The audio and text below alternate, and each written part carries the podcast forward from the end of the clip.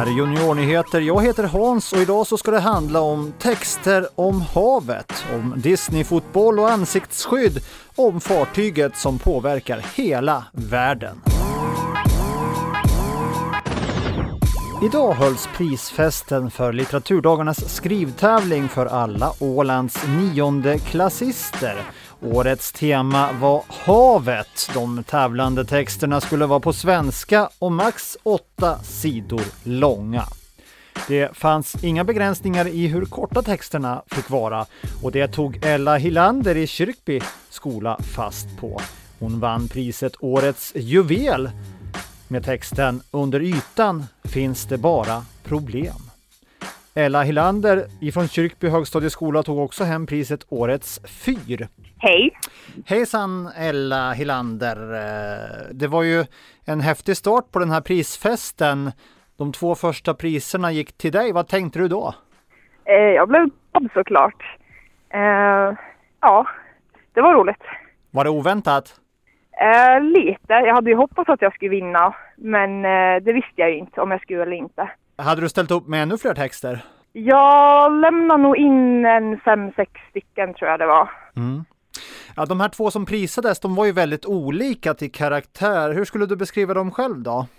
Ja, den första jag vann med då, den var ju lite längre eh, och jag hade väl lagt ner lite mer tid på den kanske och den sista som var bara en mening så den, den kom precis för att man skulle, eller tiden gick ut när man skulle lämna in så var det bara något jag skrev ihop och det gick ju hem tydligen. Det var det sista du hann skriva alltså? Ja. Okej. Okay. Ja, men det var ju väldigt träffande formulering då som gick hem hos juryn. Ja. I alla fall. Vad kul! Eh, hörru du, det här med att skriva, är det bara när det är tävlingsdags som du skriver eller skriver du annars också? Eh, jag tycker nog om att skriva, men jag skriver inte jättemycket själv. Men det kanske är något jag borde börja med, för det är trevligt att sitta och skriva. Frans Erlandsson i Strandnäs högstadieskola vann hela tre priser i årets skrivartävling. Årets novell, årets lyrik och årets musikpris. Där det var Beppe Lantz som framförde vinnartexten Sjöjungfrun med sång och gitarr.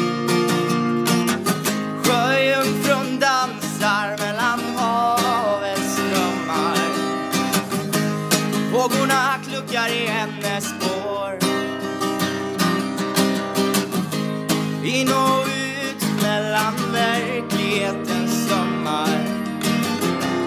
Den vildsinta dansen Och de andra vinnarna i niornas skrivartävling var Saga Lindholm i Godby, William Andersson i Kyrkby, Melker Hussell Godby, Milton Mörn och Emil Andersson i Strandnäs och Olivia Eriksson i Kyrkby. Och något annat som är värt att fira den här veckan är att det nu har gått 30 år sedan Åland antog FNs barnkonvention som slår fast vilka olika mänskliga rättigheter som alla barn i världen bör ha. Till exempel rätt till utbildning, rätt att uttrycka sina åsikter och rätt att delta i föreningar. Ålands idrott har tagit reda på hur barn och unga har gjort under pandemin med sitt idrottande i olika föreningar. Om det är så att många har slutat när det har varit extra krångligt att ordna träningar, tävlingar och resor. Svaret är glädjande. De allra flesta har fortsatt med sina idrotter. En idrottsförening som sticker ut och som inte har tappat några alls utan istället fått fler aktiva fotbollsspelare det är Finströmskamraterna. Verksamhetsledaren Alexandra Öman berättar hur det kan komma sig. För det första beror det nog på att vi startade ett nytt lag på våren 2020. Så det har, där kom det ju direkt lite nya barn. Sen så har vi haft ett av våra lag, vårt näst äldsta lag, som faktiskt har fått mycket mera deltagare. Mm. Delvis på grund av en sammanslagning tillsammans eh, med IF Fram i Saltvik. De började ha lite för lite spelare för att hålla ett lag så att de kom över till oss. Och sen har vi ju också ett flicklag, vilket egentligen är det enda vi har på norra Åland, ett flicklag som vi också har i samarbete med IF Fram. Och den gruppen ökar ju stadigt. Jag tror de var, var de fyra eller fem på första träningen när de startade och idag är de uppemot 25. Och på tal om fotboll, här kommer ett tips till dig som kanske har något småsyskon där hemma.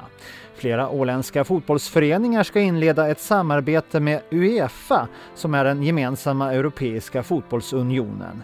Projektet heter Uefa Disney Playmakers och Åland är en av 38 orter i Finland som deltar. Det här riktar sig till flickor i åldrarna 5 till 8 år som ännu inte är med i någon förening och ska ge en möjlighet att bekanta sig med sporten i ett slags Disney-sammanhang. Temat kommer att vara Frost och spelarna kommer utföra olika uppdrag som filmernas karaktärer, fast med fotboll. Okej Elsa, på med målvaktshandskarna, du vet hur det blir annars. Okej, nu kör vi! Slå en kross, jag är fri nu ser jag målet här framför mig. Aj! En ren! Fusk! Han har ju dubbelt så många fötter som mig. Orättvist! De lite större tjejerna i Åland United vann i helgen kvartsfinalen i Finlands Cup mot PK35 Helsingfors med 3-0.